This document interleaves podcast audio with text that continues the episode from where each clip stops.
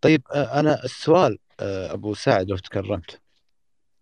سعد معي إي معك معك. طيب أبي الصمت هو تابع للدماغ تابع للعقل تابع للإحساس آه، الشعور شنو؟ لا هو عملية ادراكيه طبعا. يعني يشمل اللغة والنفس ويشمل أيضا المجتمع إن شئت يعني البيئة.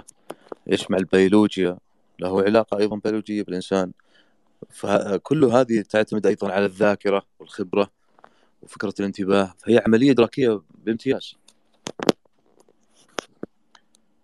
عملية ادراكيه بامتياز. مثل كان اللغة. أيوه. مثلها مثل اللغة عملية ادراكيه بامتياز. هي قرار تتخذه بناء على كثير من ال... خلينا نقول بلغة معاصره استراتيجيات أنت الصمت استراتيجية.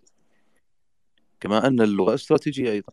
أها طيب ليش ليش و- وكذا شخص اللي عاشوا تجربة الصمت ليش انعزلوا العالم؟ هل لأن تج... آه، لا في الص- تغوص هذه.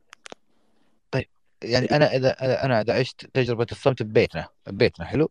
قعدت خمسة أيام أنا موعد نفسي إني أنا ما أتكلم. هذه مرحلة صمت بس أنا قاعد أعبر عن صمتي في إشاراتي للأهل.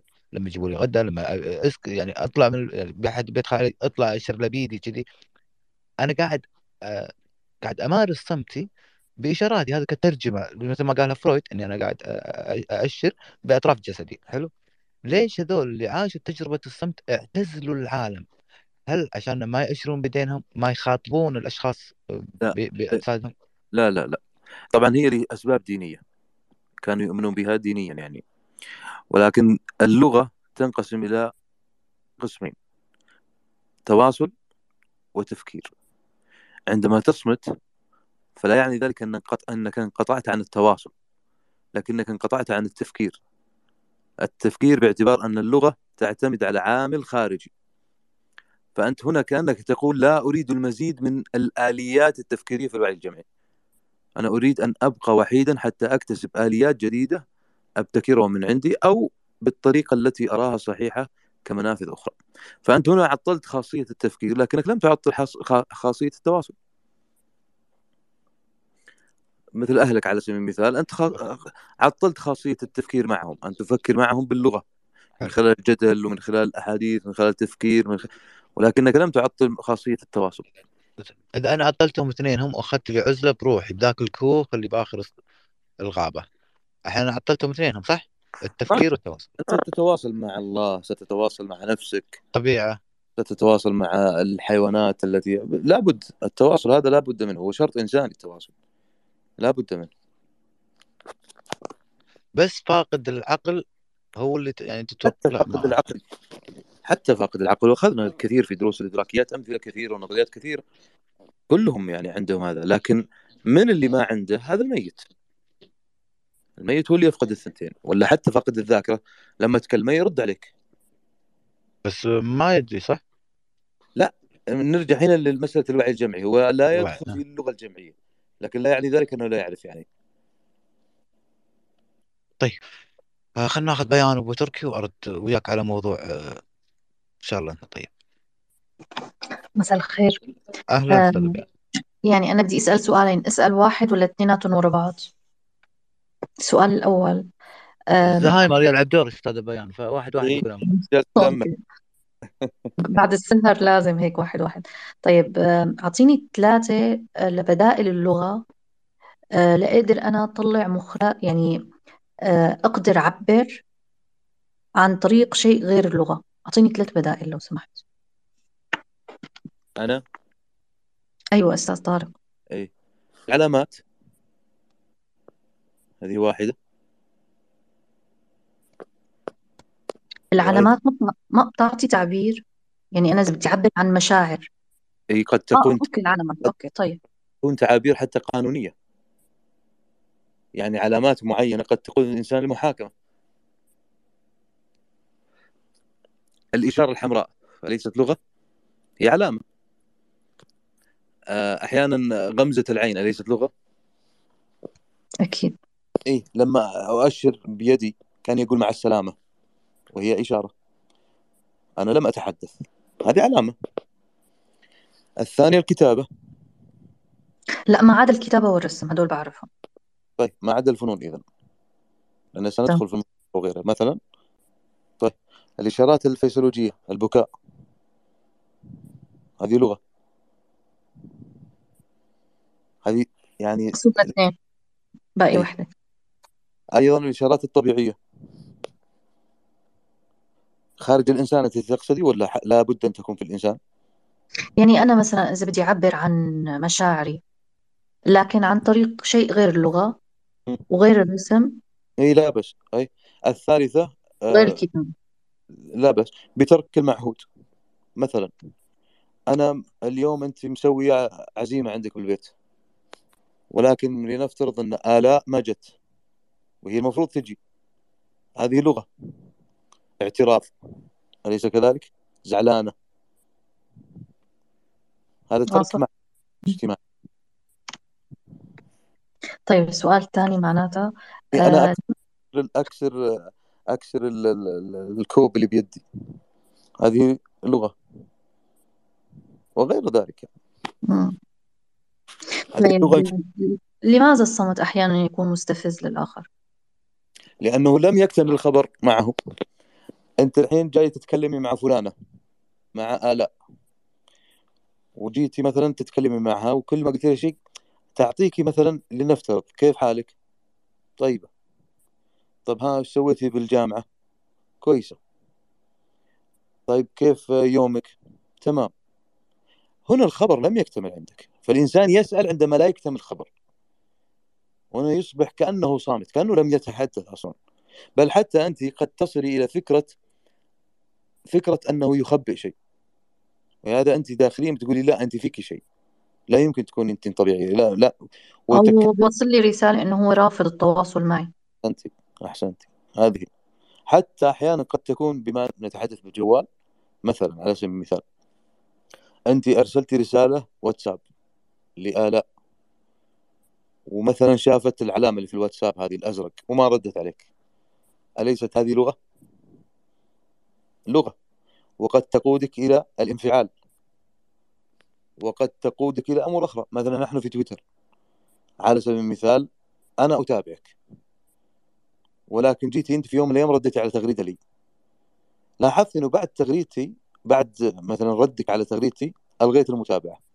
ما معناه؟ أنت وش بتفهمي منها إنها حالة غير صحية. ما هذا رافض إبداء الرأي صح؟ الآراء. هذه هذه لغة. أنا ما تكلمت معك ولا قلت لك أي شيء. ألغيت المتابعة بس. قانونيا في قانون التواصل حقي كيفي حسابي أتابع اللي أبغى ولكن أنت بيوصلك هنا ما يسمى تداوليا استلزام حواري. يعني هذا الفعل يستلزم منه أنك غاضب. ما حجتك؟ أنت كنت تتابعني لك سنين. أول مرة أرد عليك على طول الغيت معناها؟ هذا يستلزم منه إنك ما تبغى أحد يرد عليك.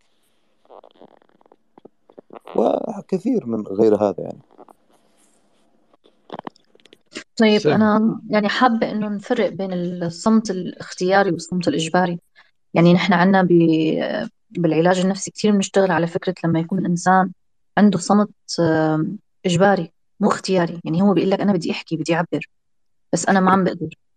هذه حالات مرضية تستثنى من كل الأفكار. الإنسان في إذا دخل عالم المرض هنا نخ نخرج تماما المعهود الاجتماعي في الأفكار. دخل عالم آخر هو الآن. له عالم آخر له ولهذا أنت تتعاملين معه كعميل كمريض ك معاني. ك لا كدرس. أنت الآن تطبق عليه دروس علمية. هذه حالة غير صحية. وانت مثلا الان تتعاملي معه بهذه الطريقة. لكن آه، مثلا الإنسان لنفترض صديقتك أو ابنك ما تتعاملي معه بهذه الطريقة. لماذا؟ لأنه لم يدخل هذه الحالة. فحالته هذه تسم تعتبر حالة استثنائية. يعني الحالة المريض أي مريض لنفترض أن عنده مشكلة مثلا مكسورة رجله. هذا هذا استثناء. الأصل أن لا تكون رجله مكسورة. فالاستثناءات تخرج من هذه. ولهذا تأتي في فكرة أخصائي نفسي مثلا أو باطنية أو غيرها. لأن هؤلاء يتعاملون مع من؟ مع الاستثنائيين أو المستثنيين عفوا. هم لا يتعاملون مع الطبيعيين أو الحالة الطبيعية. نعم. صحيح. طيب آخر سؤال معلش شخصي. ما موارد ثقافتك أستاذ طارق يعني أشعر أنها مختلفة. حتى ما قدرت أعرف شو دراستك. يعني لما فتت على البايو ما عرفت حتى شو دراستك. موارد ثقافتك يعني. أعطينا هيك التلميح مشان نقلدك شوي ونقرأ اللي بتقراه مثلا. لقيت له طارق العفو. لا لا. ليس ما عندي. أنا يعني طالب علم مبتدئ. هكذا أقول عن نفسي. نقطة. شكرا لك أستاذ بيان ألف شكر لك. واهلا وسهلا فيك. بالأفكار لا بالأشخاص. شكرا أستاذ بيان طيب أبو تركي وعذاب العين من شيء أنت تشوفه. يا أهلا وسهلا يا أبو تركي. يا هلا فيك يا هلا صباح الخير للجميع. مضيف ومتحدثين ومستمعين. لا إن شاء الله ما في لا عذاب ولا شيء يا مريم الأمور طيبة بشرك. إن شاء الله مداخلة لطيفة وبسيطة جدا. طبعا في حكمة نعرفها كلنا. يقول إذا كان إذا كان الكلام من فضة فإن السكوت من ذهب. السؤال متى يكون السكوت من فضة والكلام من ذهب؟ شكرا لكم. هذا اللي جاء بعد ثلاث ساعات من المساحة. معقولة إيه. أنا ما دخلت إلا متأخر عاد فاتتني ثلاث ساعات. لعل تلخص يعني. أو شلون نلخص المشكلة أنا مبتلى ب أنا جاحظي المذهب كما أقول. ولكن هي الفكرة ب... ب... يمكن أن أختار مما قلناه يمكن أن أختار مما قلناه أنك تصمت دفاعا عن نفسك. الصمت يكون. يكون في حالة دفاع. اللغة دائما في حالة هجوم. يعني كما يقول نيتشه أنها جيش وكما أيضا يعبر عنها جورج لايكوف حديثا بأنها تقتل. أما الصمت فهو دفاع. أن تدافع عن نفسك لا تدافع عن غيرك. ولكن تدافع عن نفسك بأن تخرجها من حيز الجدل من حيز التفاعل من حيز الامتلاك الآخر لك. فأنت هنا تريد أن أن تنزوي على نفسك حتى تخرج من هذا. يعني كأنك تريد أن أن تخلق لنفسك طقس نفسي في مواجهة طقس مادي. الطقس المادي هو الجدل مع الآخر. الآخر مادة بالنسبة لك. أن تحاول أن تنزوي في طقس مادي حتى تتخلص من هذه الطقس نفسي حتى تتخلص من هذا الطقس المادي. طيب أخوي طارق اذا كان أنت أنت قلت الآن الصمت في جعلته محصورا على اللغة الدفاعية. الآن أخوي طارق ابداء نصائح مثلا لابنك لزوجتك لصديقك. هو مو هو شيء دفاعي هو بالعكس أنا أعتبره اسداء النصيحة يعني. إيه؟ آه وانت وانت حصرته في اللغة الدفاعية اسداء النصيحة يعني إنك أنت تبادر وتنصح يعني ما أنت ما صمت هنا اللي يصمت اللي اللي ينصح صامت الحين الحين لو جاء لو لو ارتكب ابنك خطأ حلو إيه؟ وسكت ابنك عن خطأ إيه؟ هل هل آه، سكوت الابن هنا هل هو من ذهب أو من فضة؟ سكوت الأب ولا الابن؟ الابن أنت الحين جمعت النصيحة أيوه بالصوت يعني أنت تتحدث الآن النصيحة هل هي هجوم أو دفاع؟ لا أنا أقصد إن مثلا لو لو الآن صديقك آه يعني صادق واحد سيء إيه ماشي وسكت أنا سكت عنه ما قلت أيوه له شيء. أي- أيوه ما اديت له النصيحة إيه. في صمتك الآن إيه. هل هو هل هو دفاعي؟ اولا النصيحة نفسها هي عبارة عن سياسة أنا طيب. الآن عندما أنصح فأنا أمارس السياسة طيب تمام اذا أنا أمارس الهجوم السيطرة على الآخر. أنا عندما أنصح أحد فكأني أقول له أريدك أن تكون كما أريد. أرى. فأنا هنا أمارس السيطرة أي أمارس السياسة عليه. إذا صمت فأنا قد أصمت في هذه الحالة دفاعا عن نفسي. لماذا؟ لأن لو تحدثت لانتهكت محارمي يعني ليس محارمي بمعنى أهلي إنما قيمتي يعني. فأنا ممكن ابني مثلا أخطأ. ولكن لو تحدث لنفترض أنا بعطيك مثال فعليا واقع يعني. تمام. فلان كان ابنه يدخن. وكان يروح بعيد ورا البيت وما أدري وين عشان يدخن ويرجع. هو عرف. فلما تمام. عرف أنا من الناس اللي قلت قلت يعني لا تتكلم الولد. لكن من بعيد لبعيد يعني كأنك توصل له رسائل من بعيد لبعيد لكن لا تواجهه. هو راح يواجهه. الابن الآن جاله يعني كأنه آه، جاه بطريقة غير مباشرة فكرة. طيب خلاص هو الحين أبوي درى ليش أروح؟ ما أدري. عند باب البيت. هذا يقول والله ما ألفت البيت. أول ما ألف البيت أشوفه. ماسك سيجاره بس يرميها كذا كأنه من باب اني احتراما لك بس. فالآن أحيانا صمتك مثلا عن خطأ ابنك هو حكمة أصلا. دفاعا عن نفسك حتى ما تسقط هيبتك أمامه. ما يعتبر ما. يعتبر ما يعتبر ضعفا أبو سعد. لا أحيانا ما ما هي بقصي ما هي بقص- قصة ضعف بقدر ما أنها نظر ل... ل... ل... لأمر أبعد. يعني أنا ممكن أسكت عن خطأك هذا في مقابل إنك ما تخطئ بشيء أكبر. هنا أنا أقرر المسؤولية. لأن ممكن إنك أنت أصلا ما أخطيت هذا الخطأ يا ابني اللي أنا أكلم ابني مثلا حتى لو بيني بنفسي يمكن ما أخطأ هذا الخطأ إلا بسبب خطئي أنا السابق. يعني وهذا نتيجة لخطئي نتيجة لإهمالي. فكأني أنا أتيت وهو قد يعني قد قام بالفعل وأصبح جزءا منه. فهو يمكن هذا تدخين ابني مثلا هو عبارة عن ناتج لخطأ أنا قمت به. وكان المفروض إني أنا أتدخل من السابق بأن اسسه يعني من باب الوقاية خير من العلاج. فأنا أسكت عشان أوصل لهدف ثاني هذا يقرره في الموقف نفسه. اسكت هنا حتى أدافع عن نفسي. لأني أنا ممكن أقول له أنت سويت وكذا. بيقول أنت السبب ثم يدخلني في كلام لا لا لا أستطيع الرد عليه لأنه كلامه صحيح. تتفق معي يا أبو سعد إن هناك الصمت جبان. صمت ماذا؟ يوديك إلى الجبن يعني جبان. في إيه. نوع من أنواع الصمت الصمت الجبان. طبعا طبعا بدون شك. اذا هذا الصمت سلبي. اللي هو أي واحد؟ اللي هو آه، سكوتك عن ابنك سكوتك عن التعبير حبك لزوجتك. آه، لا لا مثلا تختلف. مثلا سكوتك مثلا الحين الآن طرح شيء آخر أبو مريم طرح رأي.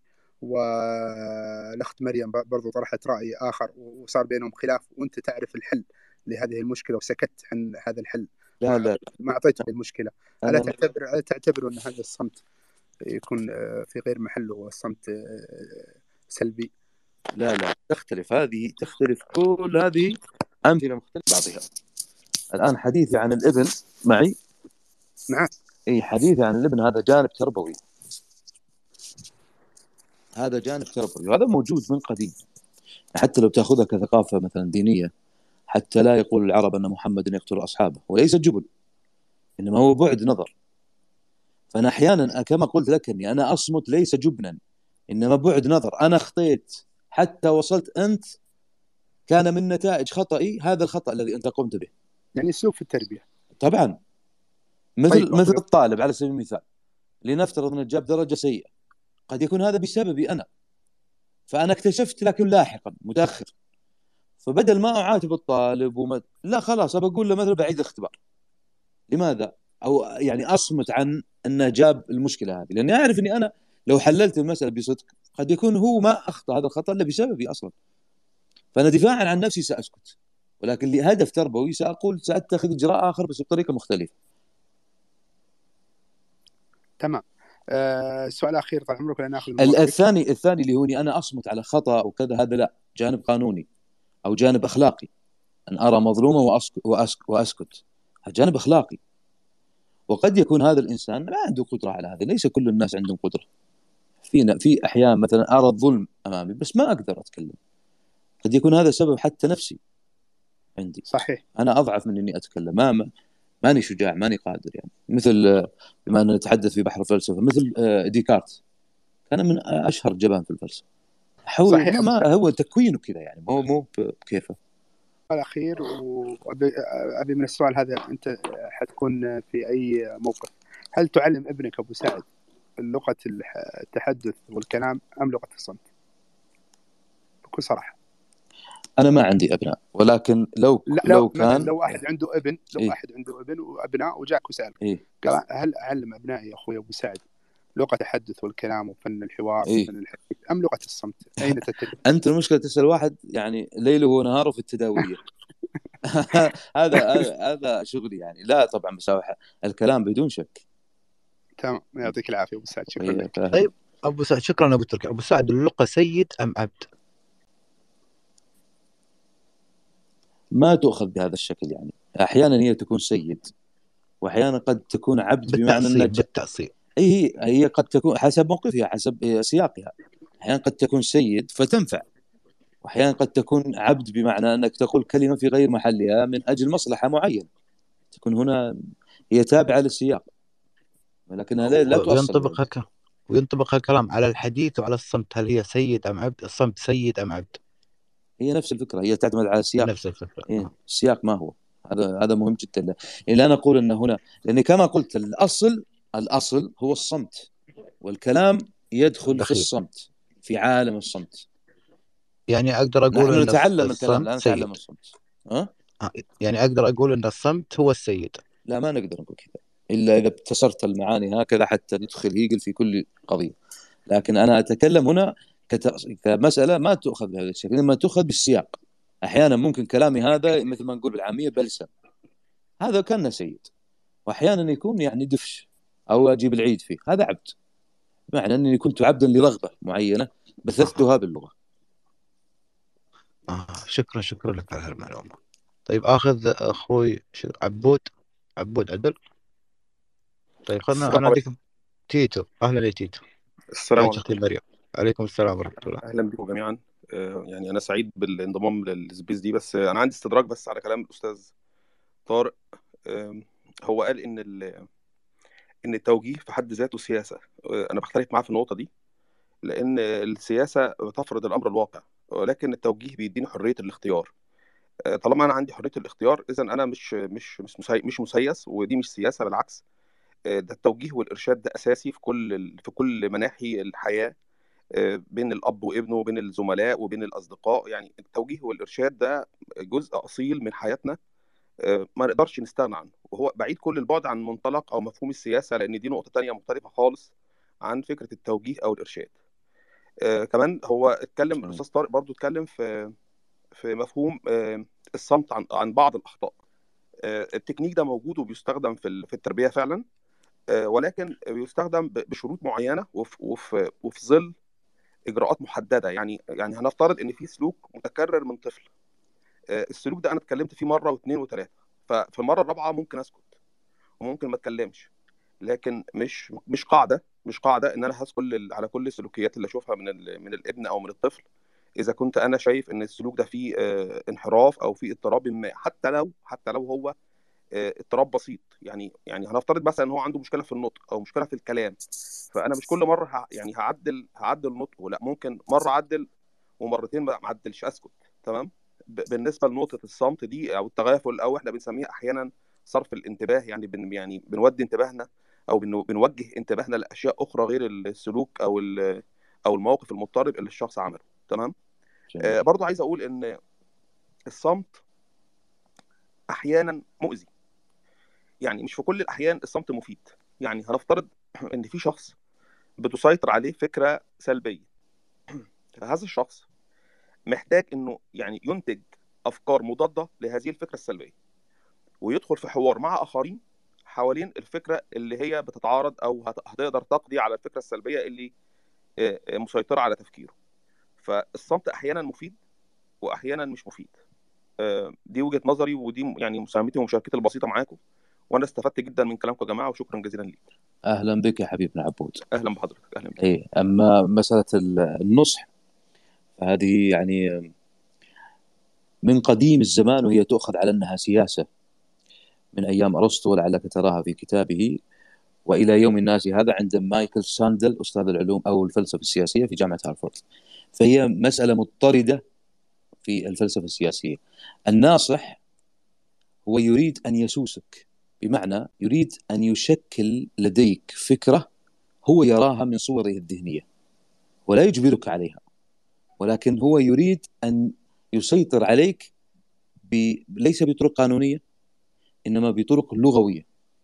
والحجاج هنا في النصيحة لأن النصيحة تقوم على الحجاج هو عبارة عن تسييس وسيطرة على الآخر باعتبار أن اللغة هنا أو اللغة الحجاجية تحديدا هي عبارة عن نوع من السيطرة على الآخر عن طريق اللغة. هذه تجدها في مدارس الحجاج مدارس الفلسفه السياسيه كما قلت من أيام أرسطو حتى يوم الناس هذا وهو رأي من حقك أن تعترض عليه أو أن تقول رأيك. أنا هذا حقك يعني. حضرتك أوكي مفيش مشكلة بس أنا أنا اتكلم من وجهة نظر مهنية معلش شوية معلش اسمح لي. أنا بشتغل إيه. أخصائي نفسي وأنا بالنسبة لي الإرشاد والتوجيه ده أنا مش قاضي. يعني أنا بقعد مع عميل بيتكلم في مشكلته أنا بقول له أنت المفروض لا تعمل أنت أنت طب أنت أنت أخصائي كلمتك يعني بالعامية مثل السيف طبيعي هذا الشيء. أنا أتكلم عن مثلا لنفترض على سبيل المثال أنا قصدي أقول إن هو مش أنا- بالمطلق سياسة. يعني أنت حضرتك جزء كلام حضرتك صح ولكن التعميم على كل ال... على كل الأشياء خطأ. اي بس انت أنت لست ناصح هنا. okay أنا متفق معاك. إذا تسمح لي بس أنت اتفضل. هنا لست ناصح كأخصائي نفسي. أنت هنا تمارس تمارس الطب. تمارس الدور من يريد أن ينقذ غيره. فأنت هنا لست ناصح. المفترض أن العميل الذي يأتيك يسمع كلامك وينفذه. هذا هو المفترض. الناصح كأنت مثلا على سبيل المثال أنت مثلا جالس مثلا في مكان وتدخن فجاك واحد ينصحك بترك التدخين.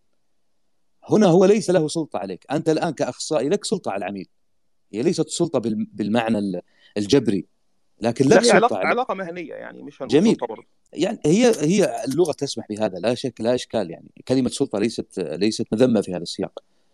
أن أتسلط عليك بمعنى أن يكون عندي القدرة على أن أعطيك ما ليس عندك أن أملأ شيئا فارغا عندك. هذا طبيعي كالأستاذ الذي يعلم تلميذه. لا هي السلطة لازم تتضمن وسيلة من وسائل العقاب. أنا أنا في لا بأس أن تقول أن- اطلاقا.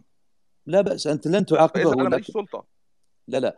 أنت إذا لم ينفذ العميل كذا فسوف كأنه هو الذي عاقب نفسه أي أن العقاب موجود. ولكن لست أنت المسؤول عن العقاب أو لست أنت الذي سينفذ العقاب. هذه فكرة هذه حضرتك هذه بعيد قوي بس هي طريقة غير مباشرة ممكن كلام حضرتك صح. هي هذه هي الفكرة هي فكره يعني واسعة ولكن المقصد منها ليس أنا الآن مثلا طبيب باطنيه طبيب نفسي وجاءني مثلا مريض. أنا هنا متسلط عليه ليس بالمعنى السلبي لكن بمعنى عندي ما ليس عنده يعني كأنه هو محتاجني وهذا أمر طبيعي وصحي. طبيعي أق- لجأ الي جميل. فأنا هنا هذه هي هذا معنى السلطة بهذا السياق. أنا الآن أعطيته شيئا حتى أعبئ فراغ عنده. لو لم يكن هذا الفراغ عنده وهو الحاجة مثلا المرضية المعينة لما جاءني.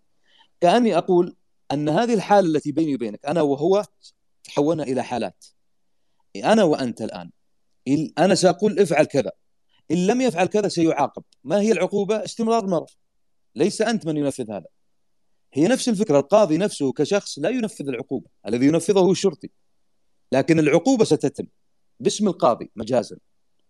هي الفكرة هذه هذه الفكرة بين القاضي والشرطة دلوقتي لأن هما الاثنين بينفذوا نفس القانون. يعني القاضي بيصدر القانون والشرطي بينفذه فما فيش فصل ما بينهم الاثنين واحد. ما هي هي لنا سلطة قضائية وسلطة تنفيذية هذه الفكرة يعني. المقصد أنت الآن لا تنفذ هذا لكن هي في النهاية ما تأمر به العميل إن لم ينفذه فالعقوبة ستأتي ايا كان منفذها هو أي أمر. المهم إنه أنت الآن ستقول ستحل هذه الإشكالية عليك. أنا عايز الفكرة الآن في الصيد بس أكمل فكرتي معلش.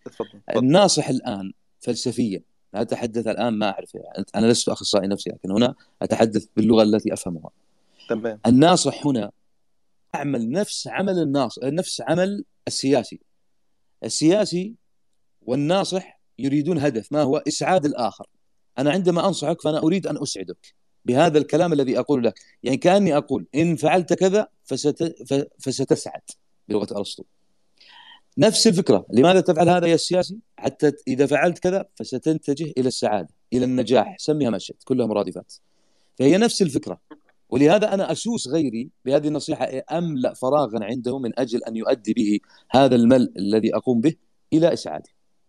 هذه فكرة وهي ليست فكرة يعني أقصد أنا هنا أرجعتك إلى هذه المراجع وأيضا هي ليست فكرة كأنها قانون لا بد من اتباعه، هي فكرة للمناقشة يعني قد تكون خاطئة لا بأس.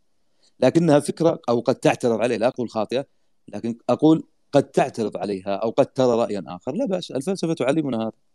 هو. يعني بص حضرتك إحنا يعني بنتك... بن- حضرتك بتتكلم من منطلق معين وأنا بتكلم من منطلق مختلف فاختلافي يعني اختلاف من المنطلق فقط لا غير لكن اللي حضرتك بتقوله ده آه، ينطبق على حالات معينة وحاجات معينة لكن أنا شايف إن التوجيه بلاش النصح يعني خلينا نتكلم في التوجيه والإرشاد. ملوش أي علاقة بالسياسة. السياسة ليها أدوات مختلفة. يعني أنت حضرتك حضرتك مثلا في السياسة في المجتمع بتاعنا اللي إحنا عايشين فيه ده والعالم بقى قرية صغيرة طبعا آه، السياسي ما بيديش نصايح. يعني مش بيمسك المايك آه، يقول آه، إحنا المفروض نعمل كذا وكذا وكذا. ده مش دوره. السياسي ما بيعملش كده. أنت تتحدث عن أنظمة سياسية ولا أتحدث عنها. أتحدث عن مفهوم السياسة. فرق بين مفهوم السياسة وبين الأنظمة السياسية. فرق ما بين النفس وما حضرتك بين بتتكلم عن العلاج وأنا بتكلم عن. التطبيق. أنا فاهم الفرق أنا فاهم هذا الفرق بين هذا النظرية والتطبيق. إيه. لكن أنا بضرب مثل عشان أوضح الفكرة فقط مش قصدي يعني نفس ال... حتى في حتى في التربية التربية نسبية كما تعلمون بمعنى أنها ليست مطلقة. حتى عند المثاليين ليست مطلقة. ولهذا قبل قليل أنا ربطتها بالمثال الذي قلته لأنه قد يكون نافع له. قد يأتي أب آخر ويقول لا أنا لا أؤمن بهذا الحل. لأنها نسبية لا يوجد حل نهائي أو حل ثابت أو حل متفق عليه في التربية. التربية نسبية من خلال النتائج والطرق الطرق والنتائج. فهذا الأب مثلا هذا الذي رأيته له أن لا يكسر هيبته أمام ابنه فيتركه من من هذه الزاوية. يعني أنا أعرف لكن بطريقة غير مباشره لا تجي عند ولدك مثلا تقول تراني شفتك وأنت تدخن تكسر هيبتك أمامه. خلاص هو وصل وصل خبر ان أبوي يدري إني ادخن ولكن ممكن بطريقة غير مباشرة تتحدث عن مثلا عندي صديق جاه كذا كذا بسبب التدخين. إني مثلا آخذ ابني محاضرة عن التدخين. يعني بطريقة غير مباشرة. حتى تبقى هذه الحالة النفسية بينك أنا متفق مع حضرتك في النقطة دي لأن في العلوم الإنسانية عموما آه، مفيش قانون ثابت لأن البشر ما لهمش كتالوج واحد. يعني الناس كلها صفاتها مختلفة وفي فروق فردية ما بين الأشخاص. يعني حضرتك نعم. ممكن أستخدم حضرتك أسلوب معين في النقاش أو في التوجيه. سوري يعني مش أقصد التوجيه لحاجة ثانية ولكن أقصد يعني حتى في في التواصل التواصل اللفظي حتى حضرتك ممكن تقول ممكن تقول ل... ل... يعني مصطلح لشخص ما تقولوش لمصطلح تاني لأن نفس المعلومة ممكن تكون مش متوفرة عنده أحسنت. صح. ولكن المعادن تتمدد بالحرارة وتنكمش بالبرودة. ده قانون علمي. اللي إحنا نقدر نطبقه في المعمل. نقدر نجيب الحديد ونعرضه للحرارة هيتمدد. نجيب النحاس نعرضه للحرارة هيتمدد. نجيب الحديد نعرضه للبرودة هينكمش. مفيش قانون علمي في في العلوم الإنسانية. أنا متفق مع حضرتك في النقطة دي. صحيح. ولهذا تحاول العلوم الإنسانية منذ أمد يعني منذ 100 سنة أن تأخذ النظريات الفيزيائية وغيرها والرياضية وتحاول أن تطبقها فيها قدر المستطاع حتى تصل إلى زيادة نسبة الصحة فيها أو الثبات. إحنا بنقول هي ذات ثبات نسبي يعني صحيح. إحنا بنقول إن ليها ثبات نسبي حتى لما بنعمل دراسة وبنعمل ثبات وصدق بنقول إن الثبات ده نسبي برضه يعني ممكن يختلف باختلاف المجتمعات وباختلاف المثيرات وباختلاف العوامل الخارجية والداخلية للعينة نفسها. صحيح صحيح أحسنت. شكرا, شكرا لحضرتك. شكرا, شكرا منك منك نستفيد يا حبيبنا. شكرا جزيلا كثر خيرك. شكرا يا كيف. شكرا جزيلا أستاذ شكرا. أهلا وسهلا أبو مريم. أهلا يا حسين. الله يبقيك سؤال سريع لأبو مستر طارق. آه، ذكرت في آه، حديثك مع أبو مريم حينما سأل عن صمته أمام بعض المواقف آه، في أمام أهله وأسرته بأنه يعني توقف عن التفكير أو تعطيل التفكير فما أدري أنا ما فهمت. يعني هل الصمت بشكل عام يعتبر توقف عن التفكير وتعطيل عن التفكير؟ هل لا. نستطيع أن نعمم هذا؟ هذا لا. ما فهمته. لا في أمور كما أنا أعيد هذه الفكرة لأنها مهمة. الأمور التربوية كلها نسبية مبنية على النسبية. يعني حتى عند أشد المثاليين كانت. التربية عنده نسبية بعدية يعني. فالأمور التربوية تعتمد على الحدث لا على القاعدة المضطردة. يعني تعتمد على الحدث أكثر من كونها تعتمد فقط على الثقافة. الأمور التربويه دقيقة جدا. ف بل لا أبتعد عن الحقيقة قلت هذا على الاقل قناعتي أن بيت عن بيت يختلف. مع أن الاثنين ممكن يكونوا اثنين إخوان ومتزوجين ثنتين خوات. ومع هذا يختلفون في بيوتهم. والأفضل أنهم يختلفون والأصح أنهم يختلفون في طريقة البيت. فهي تختلف. ولهذا حتى الإنسان مع أخيه هذا يربي نفسه بطريقة هذا يربي نفسه بطريقة. فما لها قانون؟ قانون التربية هو أن نبقى باستمرار في الميدان. ولكن أنا ذكرت أمثلة قبل قليل فقط علقت عليها على نفس الأمثلة. تمام لكن التفكير لا يزال يعمل سواء في ردود أفعال أو ابتداء حتى يفكر أنه في صمته ماذا سيؤثر في لا الطرف الآخر إلى آخره. التفكير التفكير معزول عن مسألة الصمت واللغة. باعتبار ان الصمت هنا ليس صمتا في الدماغ وصمت في اللسان في الصوت. حسنت. يعني الفرق بين اللغة والصوت والصمت هنا في الصوت فقط. لكن العملية الإدراكية التفكير وغيره لا بالعكس قد يكون الصمت أصلا هو قرين التفكير.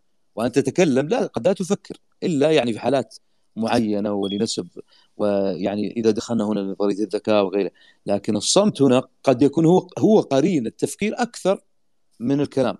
ولهذا أنا قلت قبل قليل إن الكلام هو دخيل عند الإنسان. الأصل في الإنسان صامت وأغلب وقته يصمت لو اخذته ب 24 ساعة. والحياة كلها مبنية على الصمت. ولهذا نحن نتعلم اللغة نتعلم اللغة عن طريق مثلا الاكتساب عن طريق تعلم القواعد عن طريق تعلم الكتابة. نحن نتعلم الكلام الكلام ونتعلم الكتابة أدوات الكلام واللغة. لكن لا نتعلم الصوت شكرا يعطيك العافية. في زماننا. أصبحنا أصبحنا نحتاج أن نتعلم الصمت من كثرة ما نتكلم. نعم سبحان الله. إيه. سبحان الله. شكرا أبو مريم شكرا أستاذ طارق. أهلا حبيبي. شكرا لك يا أخوي. أهلا حسين أستاذ دارين جايك أخوي إبراهيم وريمو. تفضل أستاذ دارين. السلام عليكم كيفكم جميعا؟ شكرا أستاذ شيء أخ. وعليكم السلام. دكتور دكتور طارق. أنا لي تعليق فقط وممكن حضرتك دكتور طارق تعقب. هو لما الدكتور أستاذ شيء آخر تحدث عن.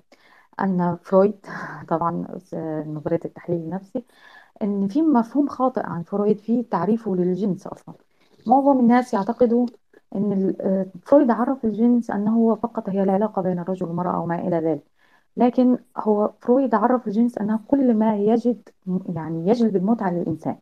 حتى لو كنت تنظر إلى منظر طبيعي فتجد المتعة فهذا يعرفه فرويد الجنس إذا الجنس عند فرويد ليس مفهوم قاصر على فقط الجنس المشهور ولكن المشهور بين الناس ولكن هو قائمة كبيرة بتضم كل ما يشعر الإنسان بالمتعة ويعود عليه بهذه المتعة. آه هذا التعليق. تفضل دكتور طارق بالتعقيب وشكرا جميل جدا جميل. وإن كنت تستخدم كلمة اللذة أكثر من المتعة. و...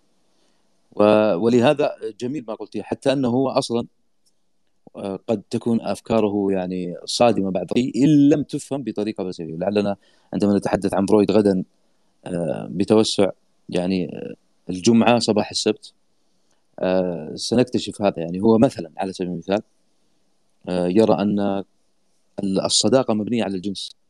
يعني أي اثنين أصدقاء أعرف أن بينهما جنسا خفيا. نعم هو معناه متعة أو اللذة كما تقول بالضبط. آه إيه، نعم. ف... كل ما يجلب المتعة الصداقة لكن والأمومة لكن و... هذه مربك ترى كثيرا. يعني حتى ثيودر رايك وهو من أشهر من أيضا ناقش أفكاره كان يقول أنا لا أتفق مع هذه كا- قال- كان يقول أن هذا دفاع الفرويديين عن فرويد. لا فرويد يقصد الجنس بمعناه المعهود. هو ثويد رايك طبعا هو أشهر من درس الجنس. يعني 30 سنة وهو يدرس هذا الباب.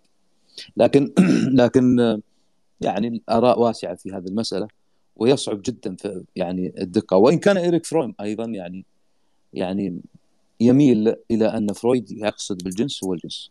لكن رأيك مبثوث وكثير يعني لا أبالغ قلت أنا على الأقل في حدود علمي المتواضع أن أن أكثر من درسوا فرويد يرون ما ترين. ولكن هناك أسماء كبيرة هي التي يعني أفسدت هذا الثبات. وكانوا يرون انه لا. يعني حتى من طبيعة من كانوا حوله كانوا يقولون إنه يقصد الجنس الجنس. ولكن يعني مثلا في حالة الأصدقاء اثنين أصدقاء لا أصل العلاقة بينهما جنس رغبة جنسية وهكذا يعبر بها. ولكن هذه الرغبة الجنسية كبحت. يعني ما الذي كبحها؟ هي المكتسبات الدين الأخلاق العرف القانون. ولا هي. لو لو نزعت هذه كلها لا يعني خربوها العالم. هذه فكرته والحديث يطول في هذا يعني. ترى كثير من أقوال فرويد يعني في ظني في ظني إنها تحتاج توسع ويعني إمعان نظر أكثر يعني. في ظني يعني إنها تحتاج إمعان نظر أكثر من كونها. لكنها ليست كما يشاع عنه في كثير من الأدبيات أنها كلها جنس أو أن كل كلامه جنس. لا. يعني لا أبالغ إن قلت إن 25% ربع ما أنتج فقط أو أقل حتى. نعم. شكرا أبو سعد شكرا لك أستاذ دريم إن شاء الله باكر على حلقة فرويد. آه، كوستاف شنو؟ أو بس كذي باختصار شنو مشكلته ويا فرويد؟ خلها بكرة بالتوسع باكر يلا تم تم شو الفائده كل- شيء تقول عطني شوي شوي. شو أسوي؟ تخبر أنت العرق يحن بعدين المفروض أنت اللي تتكلم عن فرويد ترى مو أنا أنت أنا أنا شفت النفسي دكتور حسين اللي موجود معانا. منو؟ طبعا هذا. من أنا أشوف إنه هو الأب الروحي حاليا جينا بالمدرسة التحليلية. الله يبارك فيه. كل ما موفق. أتواجه أنا وياه إلا آخذ منه أي معلومة عن فرويد. يا أخي طيب أحب احب اج هالمدرسه اجعل ندوة غدا له ما دام فرويديا أف- عرفت البخيل. بخيل. بخيل يا أبو سعد. بخيل. نتعلم منه ومنك والله من الجميع طبعا. سلامك طويل. لا إن شاء الله بكل شاركنا بعد باسل معلومات بس هو مو من النوع اللي ما ياخذ المايك ما يحب يقول كلمتين وينحاش على طول. هذا دكتورنا. طيب آخذ أخونا إبراهيم ومن بعد تجي كريم تفضل إبراهيم. صباح الخير صبحكم الله بالخير. أهلا صباح النور حياك الله. آه، طبعا آه، آه، يعني أنا ودي أرجع لمفهوم الإنسان الأول صراحة للصمت. أنا ودي أعطي نظرة أخرى عن الصمت صراحة. طبعا ال- ال- البشرية تدين للصفات تدين بالمعروف للصفات اللي اللي أبقتها وأبقت جنسها. ما عندي شك أن أحد هذه الصفات هو الصمت. آه، أنا أتكلم عن الصمت هنا في نظرة وجودية يعني حياة وموت آه، طبعا بداية الإنسان الأول كان كان يعني آه، فناءه يعني متواصل. بسرعة. يعني ما يكاد يعني يولد إلا ما يعني يموت بسرعة. لكن عندما فهم الإنسان جيدا طريقة التعامل مع الصمت واللي ساعده كذلك على فهم الطبيعة هذا بطريقة أو بطريقة أخرى أجل فناءه وهذا اللي ساعده في البقاء. فلذلك تجد عندنا في نفس البشرية آه، يعني آه، نحاول نبجل الصمت نمتدحه نحاول نفهمه. بالرغم من تركيبة الصمت آه، أنا أجدها أنا أجدها غامضة إلى حد ما. ف... ف... يعني أنا يعني إذا جينا إيش اسمها الأيام ال- قبل اللغات آه، طبعا يقال عند علماء الأنثروبولوجي إن كان فيه الإيماءات الإيماءات الصوتية قبل اللغات. لكن قدرة الإنسان في البقاء كانت من خلال التعامل مع الصمت لذلك آه، نحن لو تخيلنا نحن جميعنا داخلين غابة آه، نجد أن اللي راح يبقون مثلا غابة مثلا أو أو مكان مليء بالمخاطر نجد الناس اللي لديهم القدرة الخاصة في أنهم يتعاملون بصمت متناهي آه، هم اللي هم اللي ينجون. غير كذا أن الصمت هو وسيلة لفهم الضوضاء. يعني إذا فيه أحداث آه، مليئة بالضوضاء فالصمت قد يعطينا الحد الأدنى من هذا الفهم بشكل عام. هذا هذا نظرتي يعني للصمت أما الصمت في تحليله النفسي للحين البشري الآن فقد أكون قليل صراحة في فهمه أو ضرورة يعني وجوده في أوقات معينة أو طريقة استخدامه من وقت لآخر. أجد هذا شيء نسبي يعني ما ما هو يعني قاعدة يعني إنك إذا صم- صمت في موقف معين يعني يعني هذا قرار صحيح أو قرار خاطئ. آه هذا شكرا لكم على المساحة الطيبة. شكرا لك يا حبيبنا إبراهيم. مفيد كعادتك لك أخوي إبراهيم. شكرا. طيب أختي ريمو أهلا وسهلا. صباح الخير. آه، صباح الخير. أهلا صباح النور. آه، أنا حبيت نشارككم بمقال كتبته يعني عن الصمت. آه، آه، لو تسمعوني يعني الآخر بس. بس لو تبعد المايك شوي. أوكي. مم، شوي بس مو بعد. كتبت الصمت وما أدراك ما الصمت. ربما يكون في ظاهره كذلك. ولكن ولكن في جوهره ضوضاء. هو لغة العظماء. ولا أحد يعلم منا ما تخفيه القلوب. وخلف كل صمت ألف حكاية.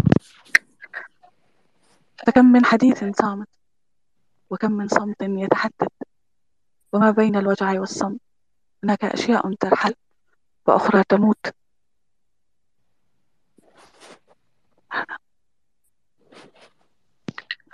لحظة بس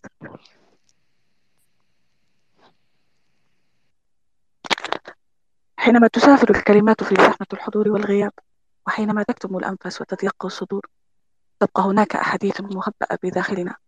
تبقى في قلوبنا لا نستطيع الأوحى بها لأحدهم. تصمت فيها مشاعرنا. إن تحدثنا بها أبكتنا وإن كتمناها أوجعتنا. لكل منا طريقته في الصمت. هناك من يحب في صمت وهناك من يحزن في صمت. يعتب في صمت. يستقبل الأمل في صمت. يمارس البكاء في صمت. هناك الصمت المربك والصمت المريح. الصمت المربك يحدث عندما يعني يكون هناك شخصان متخالفان عقلي يعني غير متفقان عقليا ويكون هناك بعض الانسداد بينهما يمنعهما من الاتصال. أما الصمت المريح فهو كالصمت الذي يحدث بين العشاق. تجد أنهم يلجؤون للصمت بينما يعبرون بطرق أخرى يعني بالنظرات يعني غيرها من المشاعر.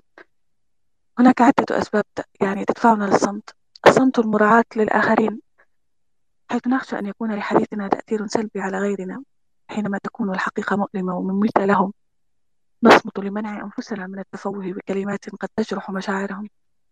وقد نصمت عن إفشاء سر من وثق بنا وهنا يمثل الصمت قمة الأمانة. صمت النسيان.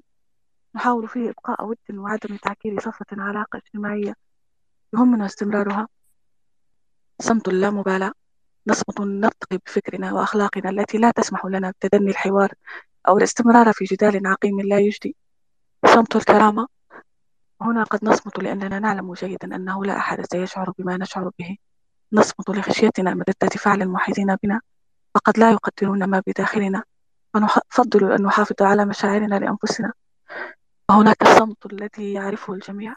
الصمت السابق للعاصفة. الصمت لا يعني القبول دائما. أحيانا يعني أننا قد تعبنا من التفسير تعبنا من كل شيء. شكرا. شكرا لك أختي ريمو. أهلا وسهلا فيك. شكرا لك شكرا لك. أهلا وسهلا فيكم جميعا يا أخوان اخوات شرفتوا ونورتوا أختي فاطمة تفضلي. السلام عليكم. صباح الخير الجميع. أخوي شيء آخر. صباح الخير. عندي استفسار وسؤال في نفس الوقت للأستاذ أخوي طارق. الآن لما أنا أتكلم أقول أخوي شيء آخر أنا الآن بتحدث معك وأبغاك تفهم حديثي وتتفهم الكلام اللي أنا أقوله. طيب هذا الآن كلام. آه، دايما نقول في الحياة آه، أحتاج حد يفهم صمتي. طيب العلاقة بين يوم أقول تفهم كلامي وأفهم أنا شو أقول عشان تفهم شو المقصد ويوم أقول أنا أحتاج حد يفهم صمتي. هل في مضمون الصمت في كلام؟ يعني وكيف القناعة أن أنا مثلا أقنع اللي أمامي أن هذا الصمت في مضمونه يعني حديث؟ فقط لا غير. كفكرة عامة اللغة هي موطن الإفراط كما يقال نحن باللغة نمارس الإفراط دائما. الإفراط هنا بمعناه الفكري أي أني عندما أتحدث أنا في حقيقة الأمر أفرط في إخراج صوري الذهنية حتى أجعلها تنتقل من الذات إلى الموضوع. لكن يأتي الصمت في هذه الحالة تحديدا حتى يضبط هذا الإفراط. يصبح الصمت في هذه الحالة هو نوع من ضبط النفس نمط. وهذا يدرس حتى في الأنماط اللغوية لأن الصمت يعتبر نمط لضبط النفس. يعني نستطيع أن نقول أنه قدرة على تقدير الذات عن طريق أخذ ما لدى الآخر ثم فحصه قبل أن ندخله في حيز الإفراط مرة أخرى الذي هو اللغة. عندما أقول هذا يعني مجازا أنت الذي تحدثي عنه بلغة أدبية. أنني أريد أن تفهم صمتي على اعتبار أن الآخر لا يصله هذا المعنى. لماذا أصمت؟ الصمت هنا يأتي كدلالة. في كثير من الحياة كما قلنا أن الصمت يأتي لدلالة ويوصل دلالة معينة.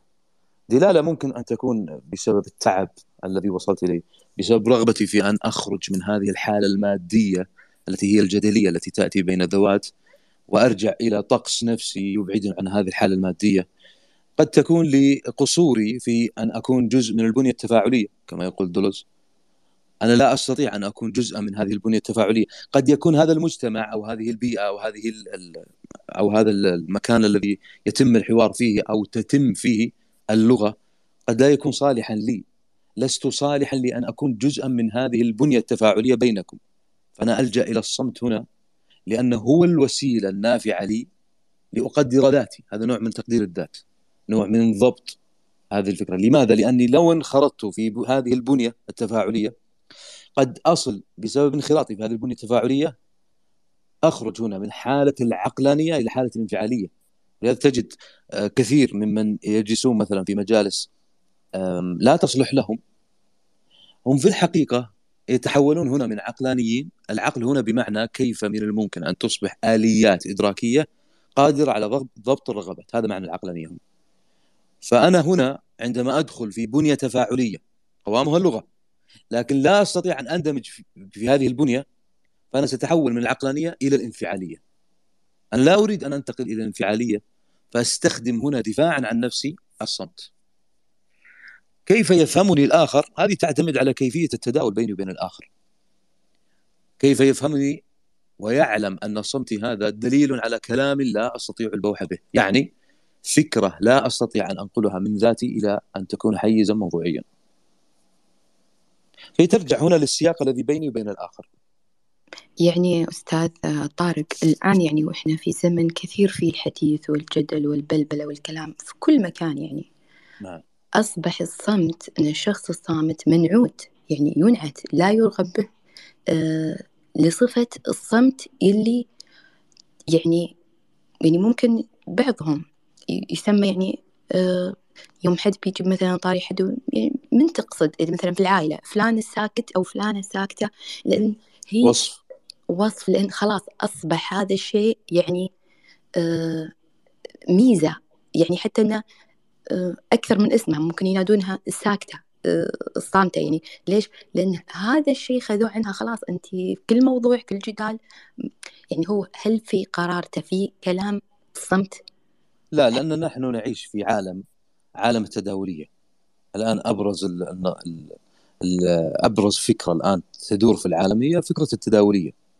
التداولية بمعنى ما يتم تداوله بين الناس من لغة. هذه اللغة تعتبر ماذا؟ تعتبر عبارة عن أفكار.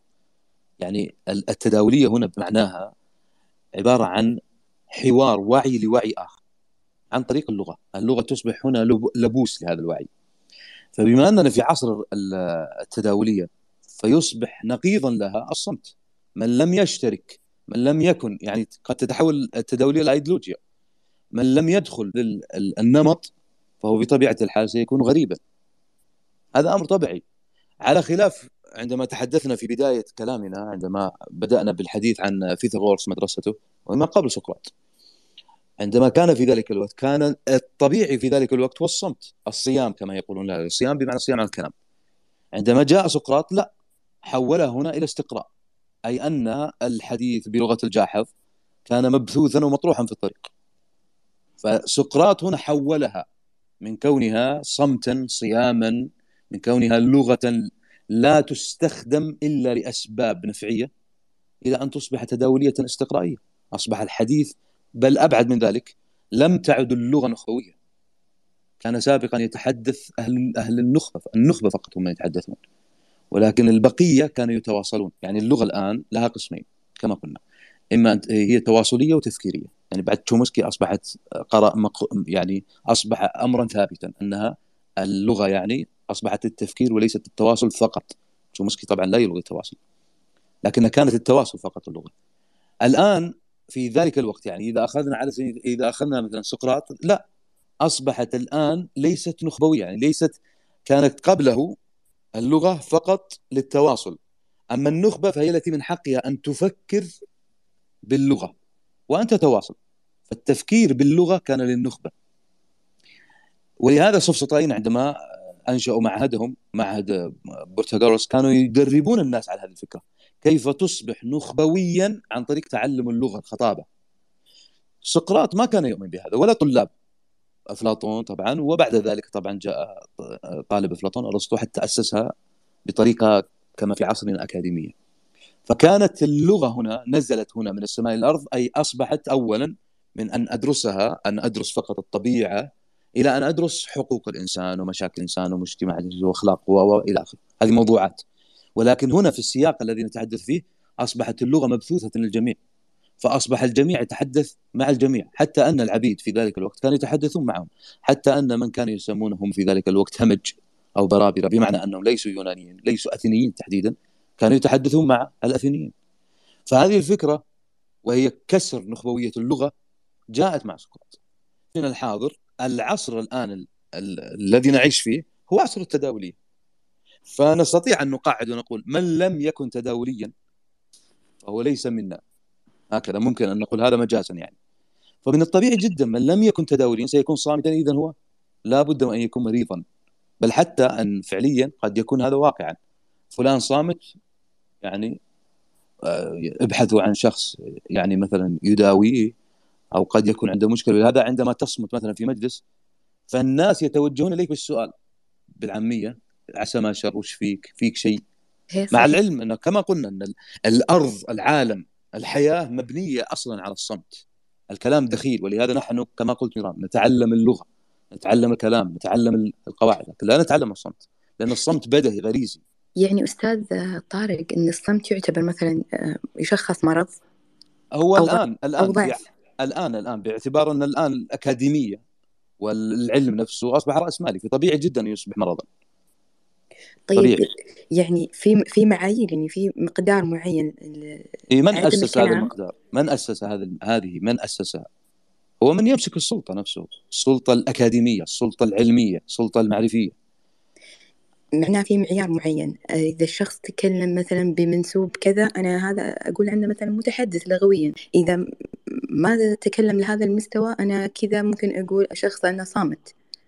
هل بهذه المقاييس وهذه المعايير؟ ممكن. لا، تختلف أيضا على السياق.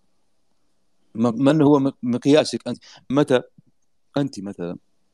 تقيسي متى أن فلان كثير الكلام، قليل الكلام، مثلا صامت غير هذه هي الفكرة، يعني مثلا لنفترض معلش انت مثلا صديقتك تجلسي معها. انت متعودة أن هي مثل ما نقول بالعامية تسولف كثير. يعني لنفترض أنتم جلستوا مثلا مثلا جلستوا مع بعض ساعة. لو تحسب الدقائق اللي هي تتكلم فيها ممكن هي تتكلم 35 دقيقة. هذا الطبيعي عندها. طيب لو افترضنا بيوم جلسة أن هي تكلمت فقط 10 دقائق انت بتستغربي ولا لا؟ أمم، طبعا أكيد. وش بتقولي بديهيا؟ بتقولي فيك شيء صح؟ أمم. مع انها تكلمت 10 دقائق. إيش قاعد تقول؟ هذه لو خطبة جمعة خلصت. ومع هذا أنت مستغرب. ليش؟ لأن المعهود الذهني عندك. عن فلانة انها تتحدث أكثر من نصف ساعة أو أكثر من تتحدث هي.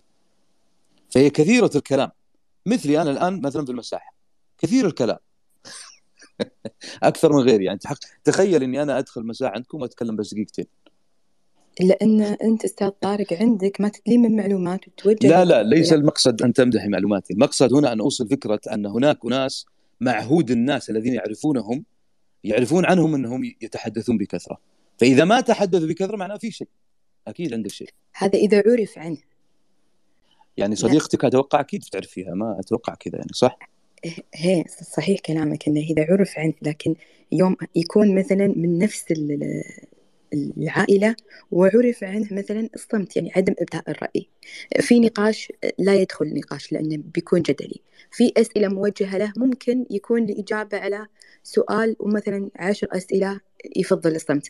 أنا أقدر أ- أ- يعني يرمز لهذا الشخص انه هل هو هذا الشخص صامت بعينه؟ ممكن إذا كانوا هم متعود خلاص فلان معروف في العائلة إنه هو ما يتكلم.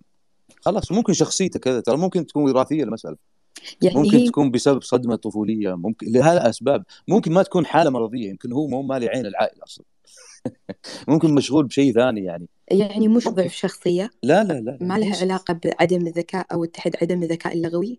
لا لا آه. لا لا. نحن ذكرنا أشخاص من أذكياء اينشتاين ذكي أو ولا مو ذكي؟ أينشتاين. نعم. عبقري اي كان عبقريا بدون شك. ومع هذا كان قليل الكلام في جلساته كان مشغول في عالم ثاني ومنصرف في عالم ثاني مو معه أنا من وجهة نظري الشخص ال- اللي العقل عنده يعني يفكر فهو العقل عنده يتكلم. فصعب يعني كت يعني مفهومي وتفسيري لهذا الشيء يعني هذا من وجهة نظري أنا. بما أن العقل يتكلم فما راح يكون في تخاطب بين العقل وأن اللسان يتك... كل... كل... كل... كلهم في نفس الوقت. يعني فهمت معي الفكرة؟ أنه يعني الواحد يوم أنا أشوف أنه مثلا الآن أنا أتحدث يتحدث اللسان فيوم الواحد بيتحدث وبيتم يتحدث بكثرة ويسهب في الحديث الآن هل أعطى فرصة للعقل أن يفكر؟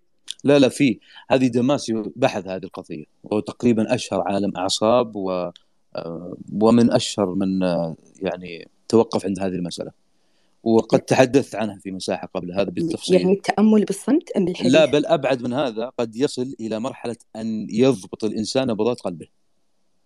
يعني التأمل بالحديث أم التأمل دائما مرتبط نعم. بالعقل فيكون في الإنسان في حالة صمت؟ نعم لكن ليست الفكرة هنا مطلقة. أنا بس أرد على يوم تقولي وجهة نظري كذا.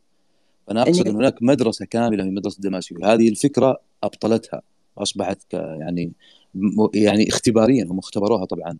فأصبح هناك أناس يتحكمون بالحديث باللسان وفي نفس الوقت يتح في عقله يفكر بأمر آخر. بل أبعد من ذلك في نفس الوقت يضبط نبضات قلبه. في نفس الوقت. هذه هذه يعني آه، أطال الحديث فيها.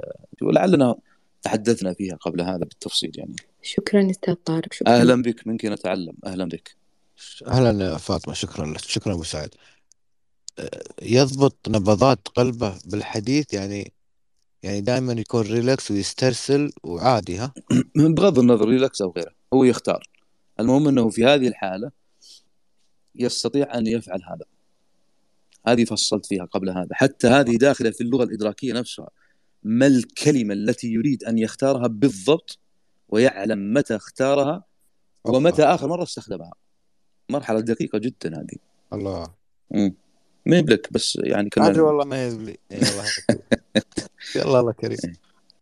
الحين العمر قدامي 21 سنة قبل أربع أيام اتمنى والحمد لله. الله يعطينا طول العمر. أستاذ نجاح. العمر كله إن شاء الله. تراك في علم النفس طفل يعني. شلون؟ 22 تنتهي الطفولة. مراهق عفوا. 25 بعد؟ طيب. أنت حكمت على نفسك. يعني ما يؤخذ يعني الحين اكتب عجيب الكلام طيب أستاذ نجاح أهلا أستاذ تفضلي. آه، أهلا وسهلا فيك. أنا بس حابة أتكلم على إنه الصمت آه، ثقافة والصمت آه، ذكاء والصمت فن من فنون الحياة. وأنا أميل على إنه الصمت ذكاء. أنا أشوف الصمت ذكاء. يعني ممكن من- أحيانا قمة الذكاء إنك أنت مثلا تكون مثلا إذا انتقلت إلى بيئة عمل جديدة فانت تلتزم الصمت حتى تفهم مثلا أو تحلل الشخصيات اللي حولك. فأنا أشوف هذا ذكاء. تمام؟ يعني أنا أنظر للصمت على أنه ذكاء والأجمل لما تكون أنت صامت ومنصت في نفس الوقت. فهذا ذكاء. الصمت ذكاء. بس شكرا.